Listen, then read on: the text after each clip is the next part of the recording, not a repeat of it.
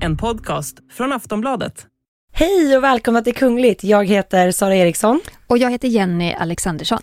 Titelbråket fortsätter i Danmark och vi ska såklart analysera alla detaljer. Och det här beslutet har ju även gett ringa på vattnet och eh, ja, titlar diskuteras i andra kungahus nu. Mm. Kronprinsessan Victoria hon dök oväntat upp i en stor influencers video. Och så ska vi såklart prata om Harry och Meghan, för de letar nytt boende.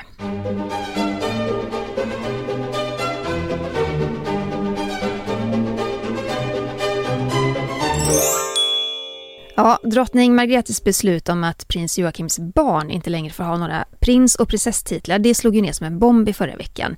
Det har nog inte undgått någon tror jag. Det här titelbråket bara fortsätter och fortsätter. Men ni som har missat, från och med den 1 januari 2023 så får prins Joakims barn inte längre använda sig av prins och prinsesstitlarna, utan de blir greve och grevinna av Montpessat. Och det är ett ganska drastiskt beslut att ta bort sådana titlar. Och vi pratade jättemycket om det här i förra veckans podd. Eh, Joakim han har ju sönerna Nikolaj och Felix med exhustrun grevinnan Alexandra.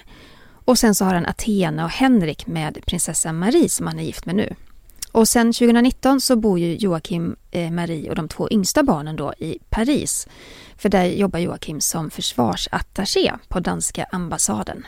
Men det är inte bara det här med titlarna nu som liksom har, har framkommit, utan i hela det här titelbråket som har uppstått så har det också kommit fram att sedan 2018 så har ju prins Joakims roll då i det danska kungahuset minskat allt mer och både han och prinsessa Marie menar ju att det liksom inte var deras egna beslut att flytta då från Danmark till Frankrike utan att det ska ha varit drottning Margaretes.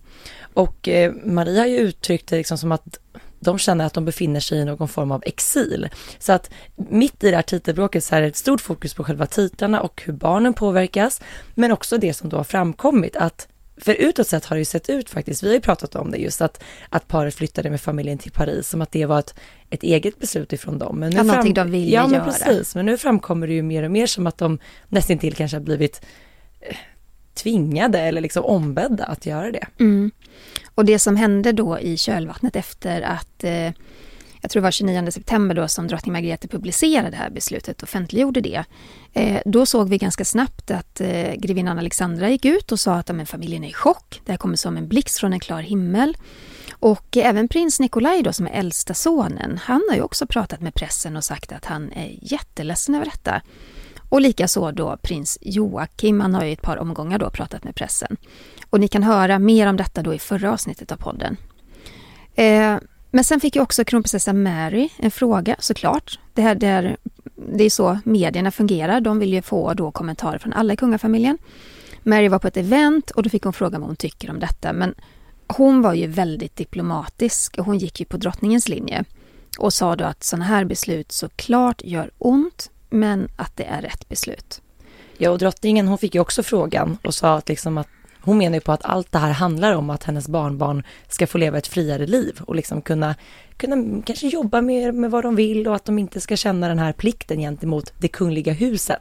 Fortsatt såklart en del av kungafamiljen, men inte en del av det kungliga huset. Mm, men oss emellan och, eh, och det har ju Margrethe också hintat åt. Det handlar ju om att hon vill dra ner och slimma ner kungahuset Eh, och de medlemmar som ingår i det som får ta del av apanaget och sen representerar och sådär. hon har ju hela tiden också hänvisat till Sverige och kungens beslut här som man tog 2019 där man då kapade grenarna, prinsessan Madeleine och prins Carl Philips barn utgör ju inte längre en del av det kungliga huset. Men man måste ju, jag menar vi har ju bevakat båda de här två eh, sätten att kommunicera och det gick mm. ju betydligt smidigare i Sverige och där kändes det som att hela familjen verkligen hade pratat igenom det och var överens innan det kommunicerades utåt. Här är det uppenbart att drottning Margrethe inte har förankrat detta mm. hos prins Joakim och barnen.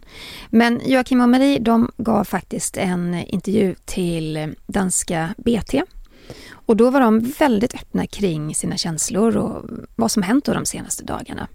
Och BT träffade dem under en promenad i Paris. De var ute och gick med sin hund och vi lyssnar lite på hur det lät. Prins Joachim och prinsessa Marie, eh, hvordan har jeres børn eh, haft det de sidste dage? Ikke så godt.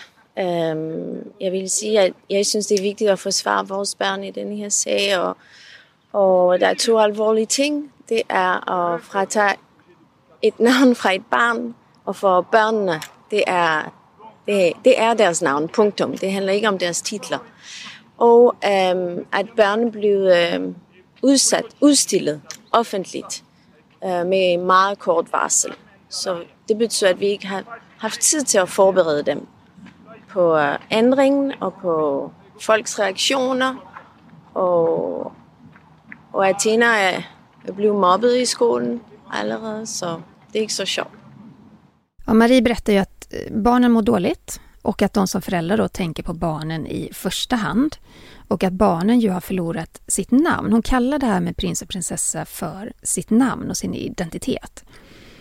Så hon, de verkar inte tänka på det så mycket i titlar utan mer som någonting större. Mm. Och hon berättar då att eh, Athena redan är mobbad i skolan på grund av det här. Och att de inte fick någon chans att förbereda barnen på vad som skulle komma. Joakim, hur har ni haft det? På, på, på, på, en, på en måde som så en, en, føler den der øh, hvordan skal jeg sige det, at mine, mine børn, som jeg vil gøre alt for at forsvare, øh, herunder forberedt på dårlige tider, eller hvad man nu vil kalde det, har jeg ikke kunnet forsvare. Jeg har ikke kunnet forberede dem. Vi har ikke kunnet.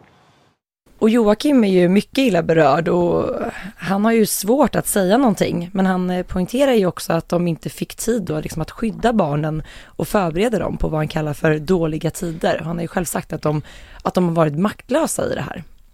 Men det mest häpnadsväckande det är ju ändå, och jag pratade om det här när jag satt i Morgonstudion häromdagen eh, i SVT, att det är ju att drottning Margrethe inte har hört av sig till sin son sedan den här bomben släpptes. De har alltså inte pratat, de har inte haft någon kontakt, hon har inte ringt honom i Paris. Eh, och likadant då så har ju inte Mary och Fredrik heller haft någon kontakt med, med prinsparet.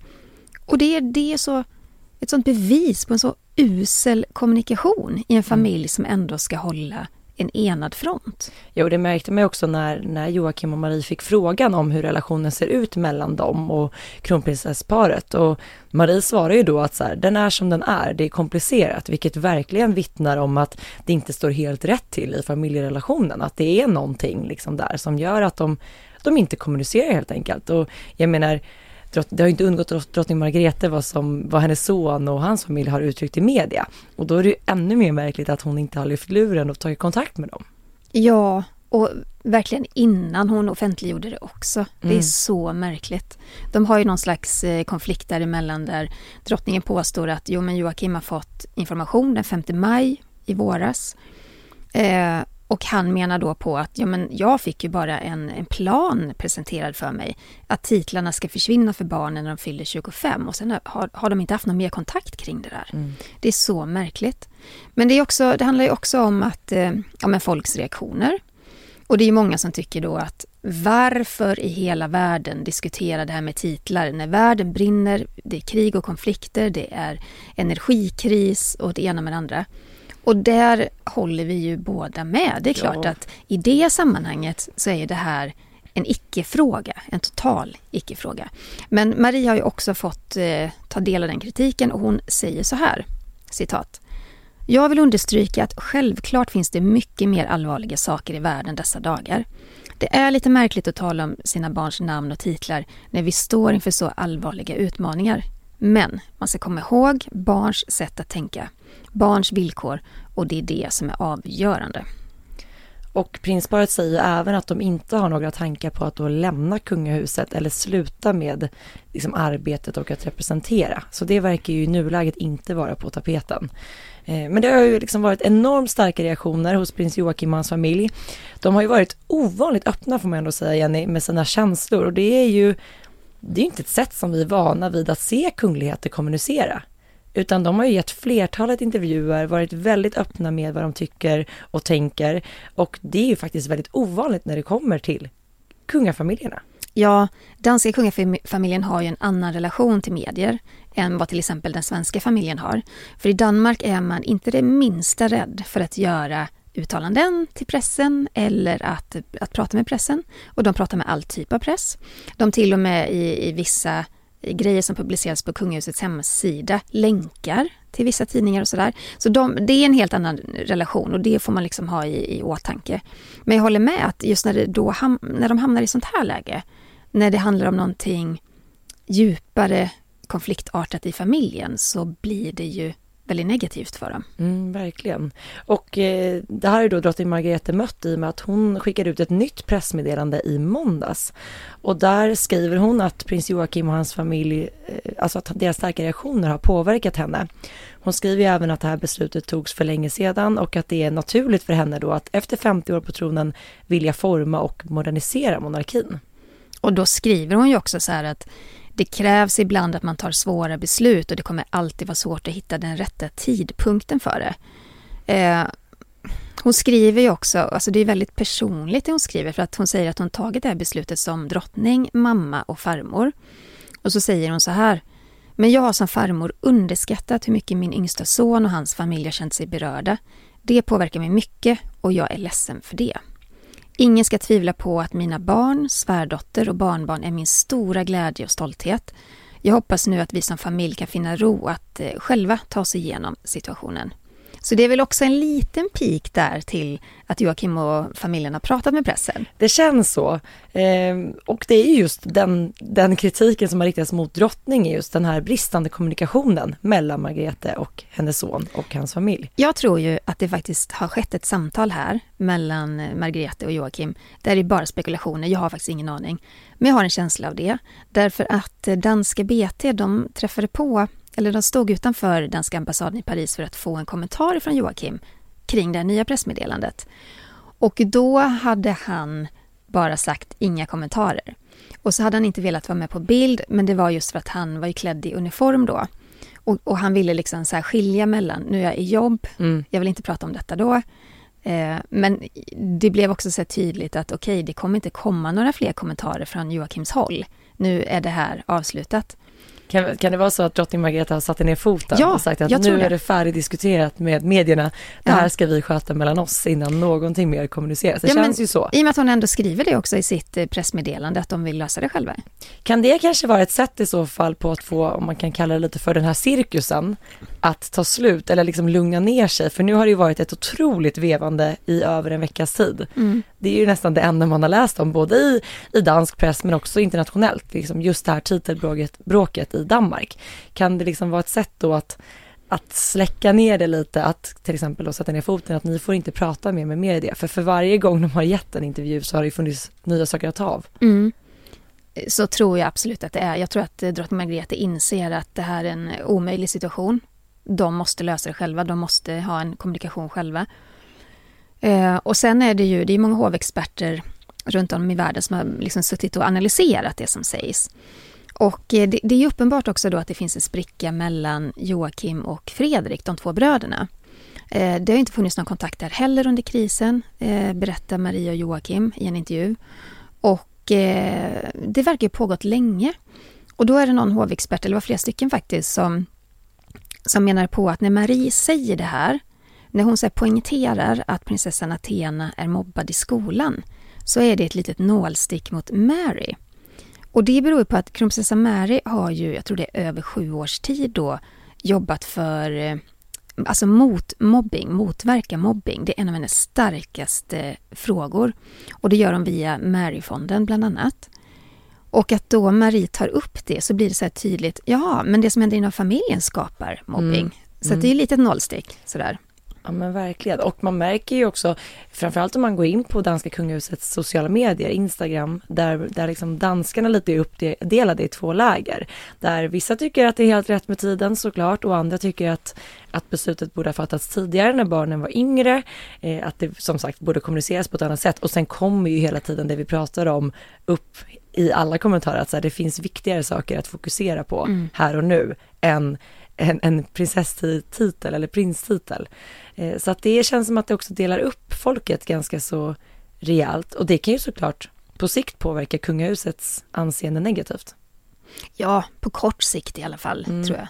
Sen är det ju så här, sådana här skandaler blåser ju alltid över. Det såg vi här i Sverige också med skandalboken med kungen och sådär. Ja, på kort sikt, ja men då sjunker popularitetssiffrorna. Men i långa loppet så, så påverkar det inte. Men det är klart att det är en kris just nu. Och faktum är att det här har ju faktiskt spridit sig för att eh, det är ju prinsess... Eh, nej, vad heter det? Titelbråk i... Inte bråk, men titeldiskussioner i andra länder också. Enligt norska tidningen Dagbladet så ska man se över titlarna även i Norge. Och eh, jag tror de här uppgifterna från början kom från norska Se och Hör, för enligt dem då så ska ett möte ha hållits i Norge, eller i Oslo då, där Märta-Louise prinsesstitel ska diskuterats. Och enligt de här källorna så ska kung Harald, kronprins Håkon och Märta-Louise, de har deltagit i mötet då. Och då handlar det om att ska hon få ha kvar sin prinsesstitel eller inte? Hon är redan av med sin Hennes Kungliga Höghetstitel. Det skedde ju i samband med bröllopet med Ari Ben 2002. Eh, 2019 så tog även kungen och kronprins Håkon beslutet att Märta Louise inte får använda sin prinsesstitel i kommersiella sammanhang. Det var ju också för att hon eh, gjorde reklam för henne och shamanen, alltså pojkvännens eh, turné och sådär.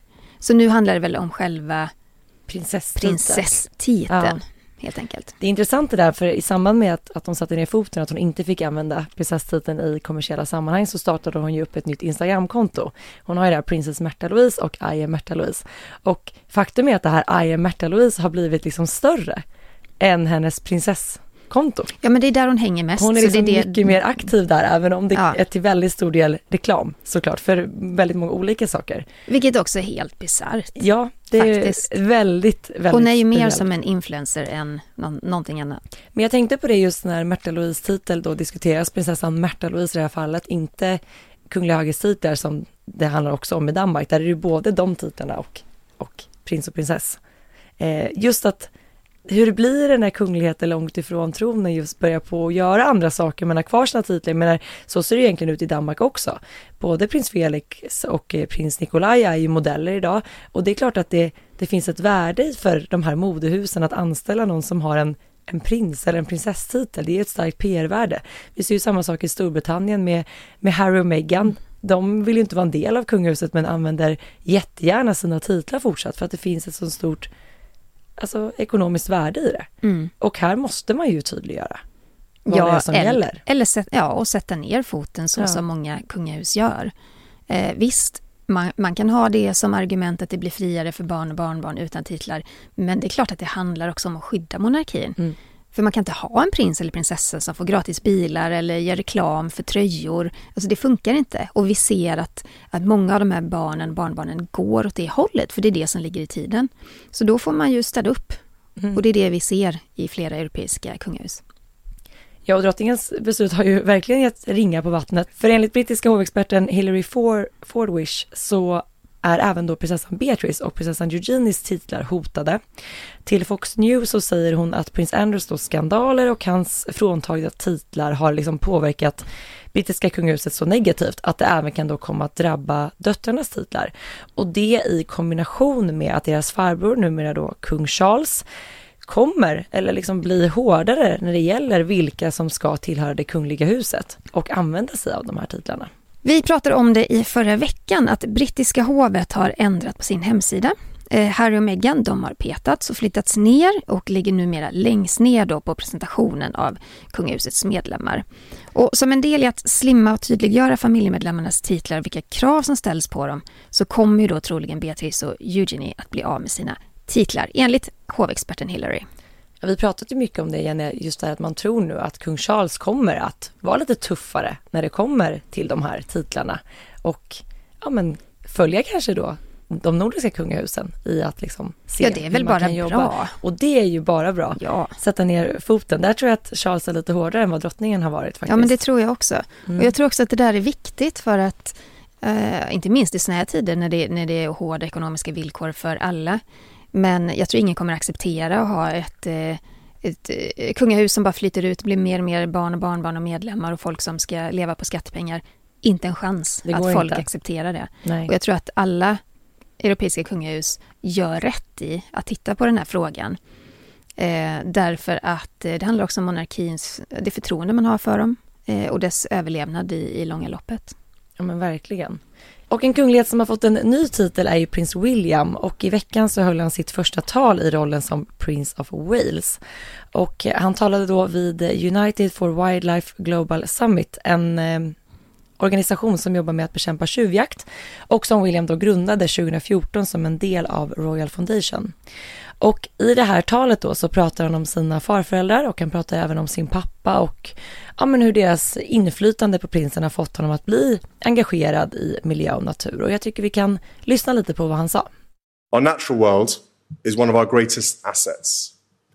It is a lesson I learned from a young age from my father and my grandfather, both committed naturalists in their own right, and also from my much missed grandmother, who cared so much for the natural world. In times of loss, it is a comfort to honour those we miss through the work we do. Han säger ju att min mycket saknade farmor som brydde sig mycket om naturen. I tider av förlust är det en tröst att hedra dem vi saknar genom det arbete vi gör. Och det här var faktiskt prinsens första officiella uppdrag sedan hans farmor eh, ja, men somnade in den 8 september. Ja, men det har blivit väldigt så stort eh, just att han valde att hylla henne såklart i sitt första framträdande. Det var väldigt fint. Nu tar vi en liten paus, men vi är strax tillbaka. This message comes from BOF sponsor eBay. You'll know real when you get it. It'll say eBay Authenticity Guarantee. And you'll feel it. Maybe it's a head turning handbag, a watch that says it all, jewelry that makes you look like the gem, or sneakers and streetwear so fresh every step feels fly. eBay gets it. So look for the blue check mark next to that thing you love and be confident that every inch, stitch, sole, and logo is checked by experts. With eBay Authenticity Guarantee, you can trust that feeling of real is always in reach. Ensure your next purchase is the real deal. Visit eBay.com for terms. Nu är vi tillbaka och det har blivit dags för veckans Harry och Meghan.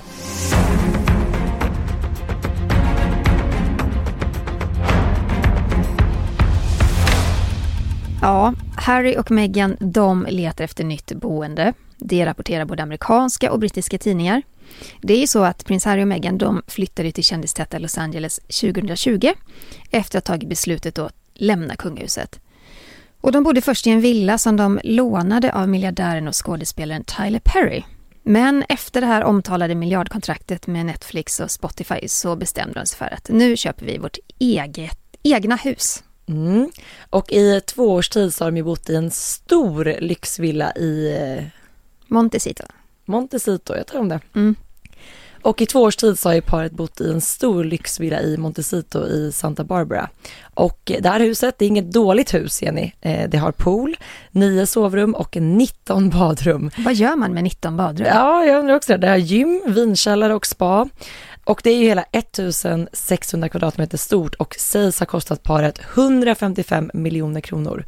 Så att eh, det är ingen liten kåk de har bott i där. Nej, och så bor de ju grannar med Hollywoodkändisar som Oprah Winfrey, Ellen DeGeneres, Katy Perry, Adam Levine och Jennifer Aniston. Tänk att stöta på dem i den lokala delikatessen. Exakt. Och i tidningen Katt, den här omtalade intervjun med Meghan, så sa hon så här om sin lyxiga villa. Vi gjorde allt vi kunde för att få det här huset, för när du kliver in här och känner glädje, andas lugn, det är helande. Du känner dig fri, sa Meghan. Men nu verkar de ha tröttnat på sitt gigantiska hus. Eh, Montecito har ju haft en inbrottsvåg som har lett till att polisen installerat fler övervakningskameror på gatorna. Och så har de gått ut med varningar till de boende. Och det är klart, det, Harry och Meghan, vi vet ju, Harry är otroligt om sig kring sig när det gäller säkerhet. Och det är ju så att paret, de drabbades av inbrott vid två tillfällen i maj och då ryckte ju polis ut till huset. Men om det är det som har gjort att de vill flytta eller inte, det vet vi ju inte. Det får Nej. vi låta vara osagt. Men brittiska och amerikanska medier rapporterar att paret har siktat in sig på det exklusiva området Hope Ranch som ligger ungefär en och en halv mil från Montecito. Är det för att det är säkrare att bo där eller varför? Oh, du skojar. Det är en gated community. Okej, okej, då är jag med. Det är enormt hög säkerhet. Eh, Hope Ranch har också en privat medlemsklubb, golfbanor, tennisbanor, stall med vackra ridvägar. Och invånarna har även tillgång till en stor välskött privat strand. och det är, ganska, det är inte oj, jättestort. Det bor ungefär 2200 människor i Hope Ranch och de flesta tillhör ju då det här superrika eh, skiktet. Och husen i området de går ofta för över 200 miljoner kronor. Så det är väldigt eftertraktat att bo där. Känns inte som de sitter och funderar över om man måste tända eller släcka jordstjärnan för att spara på el. utan det Eh, är- nej, det är också så här, du vet när man sitter på så otroligt mycket pengar, då, sådana problem berör en inte. Nej. Det är mer så här, ska vi lägga 200 miljoner på huset eller 220 miljoner på huset? Oj, oj, oj, vilket community de eventuellt ska flytta till. Då. Ja, men jag menar de gjorde ju miljardaffär, eller mil- skrev ett miljardkontrakt med Netflix och Spotify. Och sen så, har ju Harry också boken. ja, och pengar finns. Så att, eh, ja. Ja. Spännande, vi får se om det är dit som flyttlasset går helt enkelt. Mm. Mm. Eh, vi måste prata såklart också om det här med Megans halvsyster Samantha Markle. Hon har ju stämt Megan för förtal, det har vi pratat om tidigare. Och det handlar ju om saker som Megan sa i den här intervjun med Oprah Winfrey. Och saker som då står i den här boken, Finding Freedom, som är skriven av Omid Scooby och Caroline Durand. Och det är ju en bok faktiskt som har visat sig att Harry och Meghan själva var delaktiga i, fast de från början sa att de inte var det. Mm, det kom fram i en av de här rättegångarna, eller domstols... Vad säger man? De rättsliga processerna. Mm. Eh, Meghan påstod i intervjun med Oprah att hon växte upp som ensambarn och inte hade någon riktig relation till sina halvsyskon Samantha och Thomas Jr. Men det visade sig inte riktigt stämma. Eh, Samantha kunde visa fram bilder och andra bevis på att de ju faktiskt vuxit upp till stor del tillsammans. Och nu vill då Samantha eh, att hennes och Megans pappa Thomas Markle ska vittna till Samanthas fördel då i den här juridiska tvisten.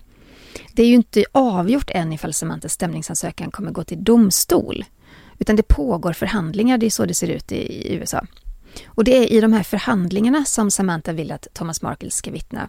Med då tanken att blir det rättegång så ska han stå även då i domstolen. Men Meghan och hennes advokater de säger bestämt nej till att Megans pappa ska vittna. Och de skriver i de här juridiska dokumenten som de har lämnat in då att det vore att slösa med allas tid och resurser och eh, Meghan har endast använt sin yttrandefrihet. Och de har ju tidigare sagt, Sara, i, de skrev också i något dokument att det här påståendet om att vara ensambarn, det ska inte ses som fakta. Utan, som, det. utan som Megans upplevelse av sin Megans barndom. upplevelse. Och sen får man heller inte glömma bort att, att Megans och, och Samanthas pappa har ju varit väldigt sjuk. Han drabbades ju av en hjärtinfarkt eh, och har liksom varit inlagd på sjukhus. Vi Mm. Och sen ju- fick han en stroke ganska nyligen också. Ja, och han har ju pausat hela sin den här YouTube-kanalen. Vi har ju inte sett någon så mycket av honom. Så att han verkar ju ha, ha varit väldigt illa däran, även om han är på bättringsvägen. Men ändå så fortsätter familjen att veva på och det ska stämmas hit och dit och kors och tvärs. Det tar liksom aldrig slut på dessa vevan, alltså här vevandet inom familjen. Det är, Det är galet. det är galet faktiskt. Mm. Och vi måste prata om eh, kung Charles också och pennorna. Alltså kung Charles och pennorna, det har ju verkligen blivit en, en grej i hela världen. Mm. Mm. Eh, det var ju så att samma sekund som drottning Elizabeth dog, då blev ju hennes son kung. Och det här med att den nya kungen har, har så kallade pennproblem, eh, det har vi sett överallt, som du säger Sara. Mm. Det, det började med, det hela började med att han då skulle signera de här papperna vid två olika tillfällen. Och han var väldigt så här besvärad över att någon dels placerat bläcket där han inte ville ha det. Och eh, några dagar senare sen så fick vi ta del av en konversation mellan Charles och Camilla när de skrev under ett par dokument i Nordirland. Och det började då med att kung Charles inte visste vilket datum det var och han blev snabbt irriterad också när han upptäckte att den här pennan, det är en sån, jag vet inte vad de heter, en riktig sån penna man doppar i bläck. Om att den började läcka och det lämnade fläckar på hans hand och på papperna. Och Camilla står ju vid hans sida och försöker liksom rädda upp den här situationen som faktiskt avslutas med att Charles ryter ifrån och skriver, först säger han så här, åh gud, jag hatar det här. Och sen säger Camilla, det är bläck överallt och folk runt omkring dem blir nervösa och tar fram någon servett och papper och ska börja torka. Och då ställer sig Charles upp och säger så här, jag står inte ut med den här jävla grejen och sen försvinner han ut ur rummet så Camilla sitter liksom kvar, för hon ska ju signera dokumenten efter honom. Så hon slår sig ner där vid stolen och liksom ta reda på det här bläckhaveriet. Bläckhaveriet, ja, Ja. den här incidenten fick ju många att skriva och diskutera vad det är för temperament som den här nyblivna kungen har egentligen. Vad har han för humör? Ja, Och det har inte, och det, man kan också säga att ja, han kanske har ett speciellt temperament, men han har ju också banne mig humor. Ja, det har han verkligen. Ja, för det har inte undgått eh, kung Charles att eh, det här har spridits över jorden. Och eh, i veckan då så besökte han och Camilla eh, Dunfermline i Skottland. Och när paret då ska skriva under ett dokument så skämtar Charles med Camilla och, så säger han så här. De här sakerna är så temperamentsfulla. och, och, det gör han innan han skriver under med den här pennan.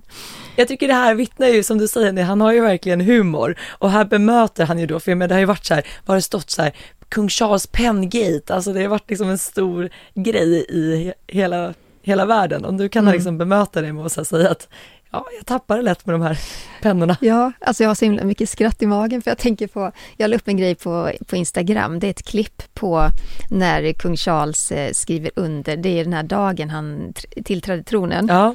Och så är det någon som har lagt en så här uh, riktig så här London cockney dialektröst på honom. Ja. Fast med helt nytt tal. Men det passar så jäkla bra in till hans munrörelser. När han börjar så här vifta bort den här, eh, den här, den här lilla asken med, med bläcket. Lilla brickan där det lilla stod. Brickan. Ja. Och det är verkligen så, jag kan inte ens komma ihåg ens vad det var, men det är så jäkla roligt. Så här, Oh, this fucking thing, can you just move it move it? Ja, men... för han viftade så här, ja. flera gånger försökte han få ögonkontakt med liksom, de runt omkring honom och viftade ja. så var det ingen som kom och då, hans handrörelse blir bara mer och mer tydlig. Men jag kan ändå tänka mig att eh, han och Camilla kan sitta och eh, faktiskt skratta lite åt sådana här grejer. Han känns ju inte som en person som tar allting kring sig själv på blodigt allvar. Det finns liksom en udd av humor där mm. någonstans. Det var ju lite likadant med, med drottningen. Det fanns alltid någon så glimt i ögat hos henne. Hon kommer ganska ofta med lite så här småroliga, vassa kommentarer. Alltså min, en av mina favoriter, det var ju jag undrar om det var i början av 2022 när man inledde det här Platina-jubileumet och eh, det är då drottningen tillsammans med Camilla och jag tror även att Kate är med när de är vid något firande. Drottningen ska skära upp en stor tårta och gör det då med ett, ett långt svärd och sen liksom sätter hon ner den i kakan och försöker liksom, det är inte helt enkelt att skära en tårtbit, liksom lägger sin tyngd på den. Och med en stor se- jäkla sabel. Ja verkligen, så ser man hur Camilla så här, oj ska jag hjälpa dig men drottningen ska ju liksom klara det här själv och sen säger Camilla så här, du vet att det finns en, en vanlig tårtspade, lite så här, och drottningen är så, ja det vet jag, men det är väl klart att jag ska skära den med ett svärd. Alltså det är så här, Nej, this is much more interesting. ja, exakt. det blir mycket mer intressant och det blev det ju. Men så att både hon och Charles kan ju verkligen så här i de här små som, så här, de situationerna som är så seriösa, mm. det blir så roligt när ja, de vittnar om sin humor. Mm. Det känns som att vi kommer se fler sådana här ja, grejer med kung Charles. Det tror jag. Eller hur? Ja. Han är så tacksam att göra sådana här eh, memes av också. Du måste, jag tror att när podden släpps igen, du måste nästan dela det här klippet. Igen kan, ja. ja. det ska Så jag att man kan se det i din story. Mm. Det vore kul. Eh, vi pratar lite om kronprinsessan Victoria tycker jag. Det var mm. länge sedan vi pratade om henne. Mm. Eh, det är ju vida känt att hon älskar att vara ute i naturen. Hon, hon är passionerat intresserad av miljö och natur och sådär. Och eh, den 20 september så var det ju allemansrättens dag. Och det var ju faktiskt en dag som instiftats av Generation Pep. Kronprinsessan och prins Daniel de deltog vid den här nystartade temadagen med syfte att öka kunskapen om allemansrätten och inspirera fler till friluftsliv. Men vid det firandet så var även en av Sveriges eh, stora influencers, Margot Ditz. Mm. Och varje vecka så släpper ju hon en ny vlogg som det heter. Det är alltså en video som man lägger upp på Youtube. Och den här veckan så dök helt enkelt kronprinsessan upp i den här vloggen från när de då hade vandrat tillsammans under allemansrättens dag. Och jag tycker att vi lyssnar lite på vad de pratade om under den här promenaden. Men visst har kronprinsessan varit ute mycket och vandrat? Mycket, mycket vet jag inte, men det, är alltid full, det har alltid varit närvarande i vår familj. Vistas mycket i i naturen och prata mycket natur och just det där vad naturen inte bara gör för oss men med oss föräldrar som, som alltid har velat att vi ska liksom uppleva och det är ju enormt tacksam för något som jag försöker ge till mina barn. Ja, men Victoria berättade att naturen alltid varit närvarande inom familjen och det ser vi ju faktiskt hos alla medlemmar av, av kungafamiljen. Kungen också och drottningen och, och allihopa. Men det var ju lite gulligt för att eh, kronprinsessan får ju verkligen en fråga då om prinsessan Estelle och prins Oscar och vad de, eh, om de gillar att vara ute. Och då svarar kronprinsessan så här. Men gillar dina barn att vara ute i naturen? Ja, jo men det gör de absolut. Och eh, framförallt så brukar jag fråga dem Ja men ska vi gå ut? Nej, nej, nej. Och sen så när vi väl kommer ut och sen efter och så ser man då, går det på ett klick så hittar de ju på någon rolig lek eller något bus. Ja men du som, jag har ju själv inga barn Jenny, men du som har barn, eller kan man inte relatera till just det här att det är väldigt svårt ibland att få ut barnen och det säger, berättar ju även kronprinsessan att det kan vara lite så här, ja, nej, mm, helst inte och sen när man väl är ute så har de oftast jättekul att hitta på roliga saker. Alltså det är svårare att få ut barn i naturen än att lyfta en bautasten. är det så? Ja, men det är sant. När de väl är ute så älskar de det. Ja. Men det är just det där steget från att eh, kliva upp ur soffan när de sitter med en padda eller Ja. någonting. Och så verkar det även vara hemma på Haga slott i och Ja, med det som kronprinsessa. Skönt att höra. Men kanske det roligaste i hela det här klippet tycker jag ändå var så här när några ungdomar då går med kronprinsessan och Margot och till en början så, så verkar det som att de vill stanna till och fotografera sig tillsammans med kronprinsessan. Men det slutar ju med att det är influencer Margot som de vill fotas tillsammans med. Och vem är det som får ta bilden? Jo, det är ju kronprinsessan. Det var en sån omvänd situation. Hon är ju själv så van vid att få ställa upp på bild hela Vad tiden. skönt för henne att slippa för en gångs Den här gången var det hon som fick vara fotograf. Ja. Tyckte jag var en rolig detalj från det här klippet. Och jag tycker vi fortsätter med roliga saker. Ja, Ehm, vi behöver sånt nu vi när det är grått behöver ute. sånt. Mm. Ja, för en annan kul grej, det, det tar oss ända till Monaco och först Albert. Det var ju så att eh, först Albert han var ju i Göteborg i maj och då var han med på The Perfect World Foundations årliga stödgala och de stöttar ju arbete för att rädda ja, men, vilda djur och naturområden och sådär. På den här galan så fick han en två och en halv meter hög elefantstaty av, av organisationen.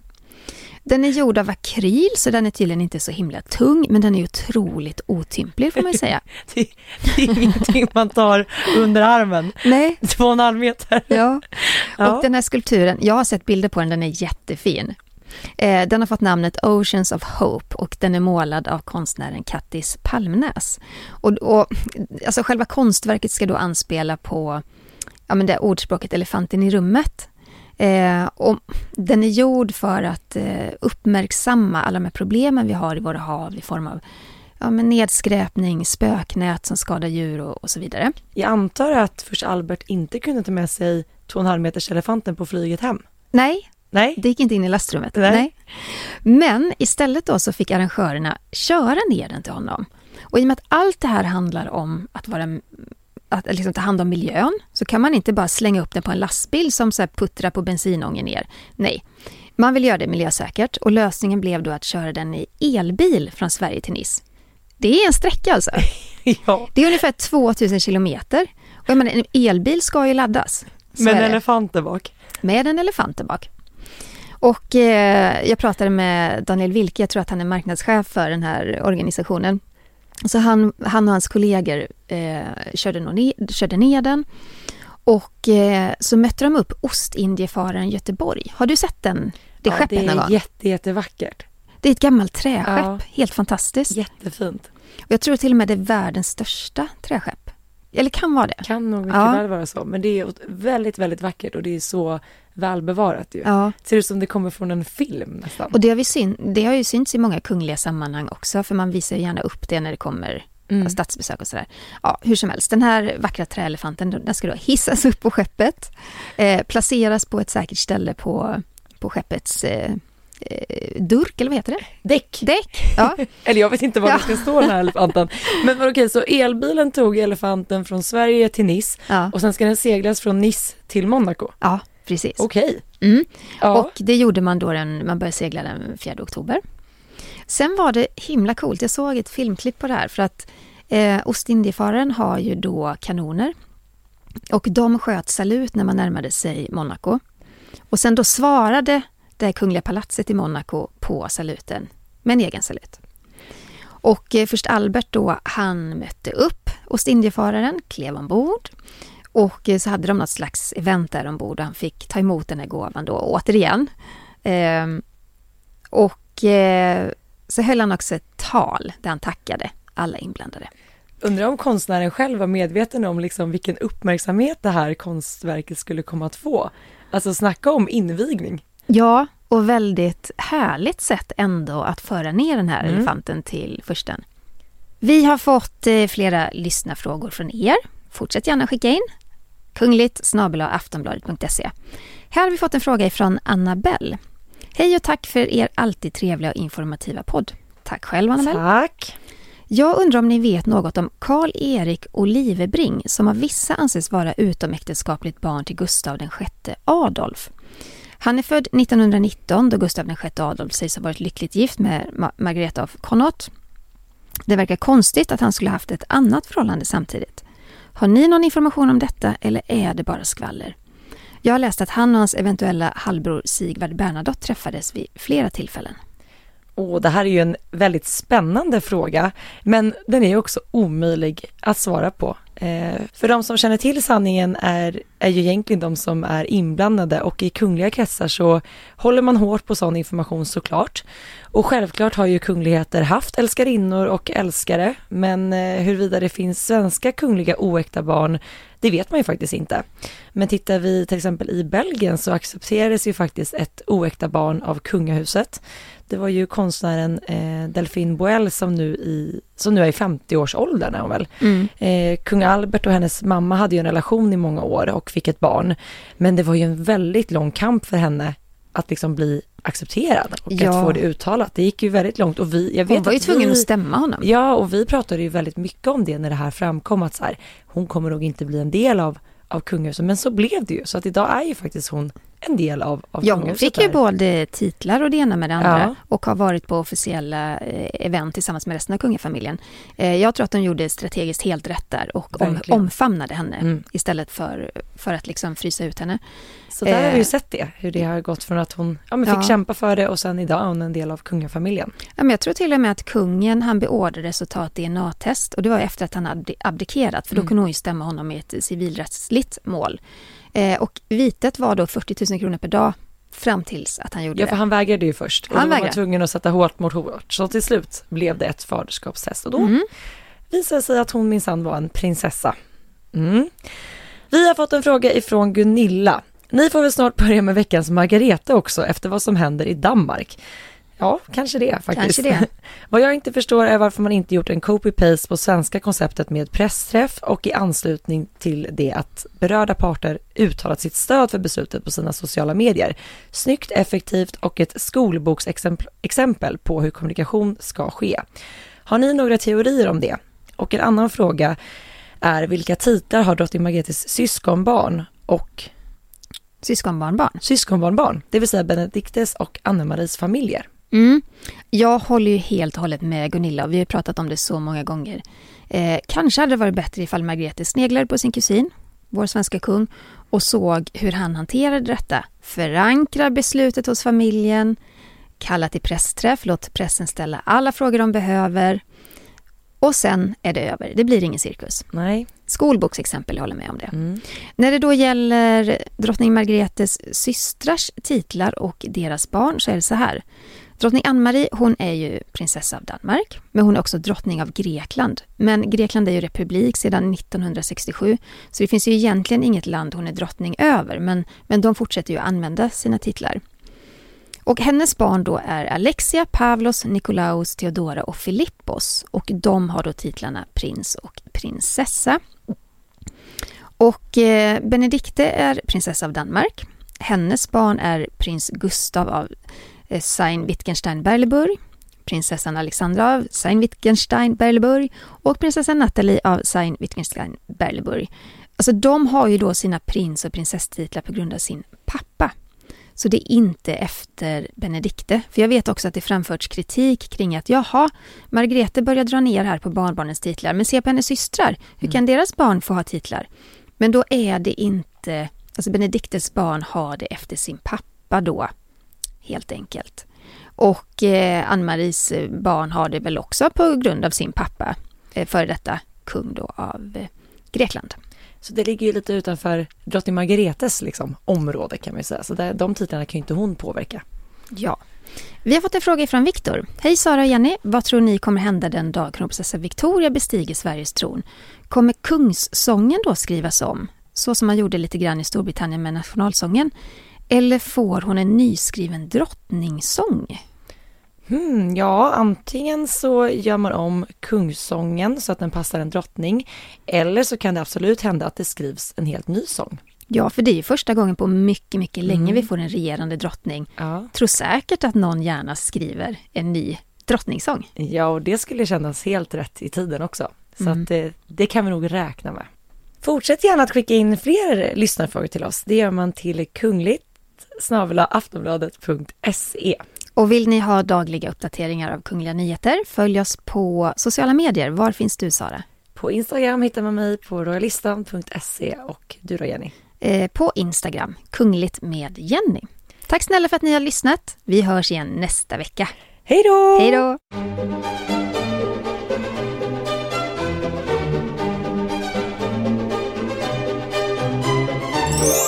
Du har lyssnat på en podcast från Aftonbladet. Ansvarig utgivare är Lena K Samuelsson.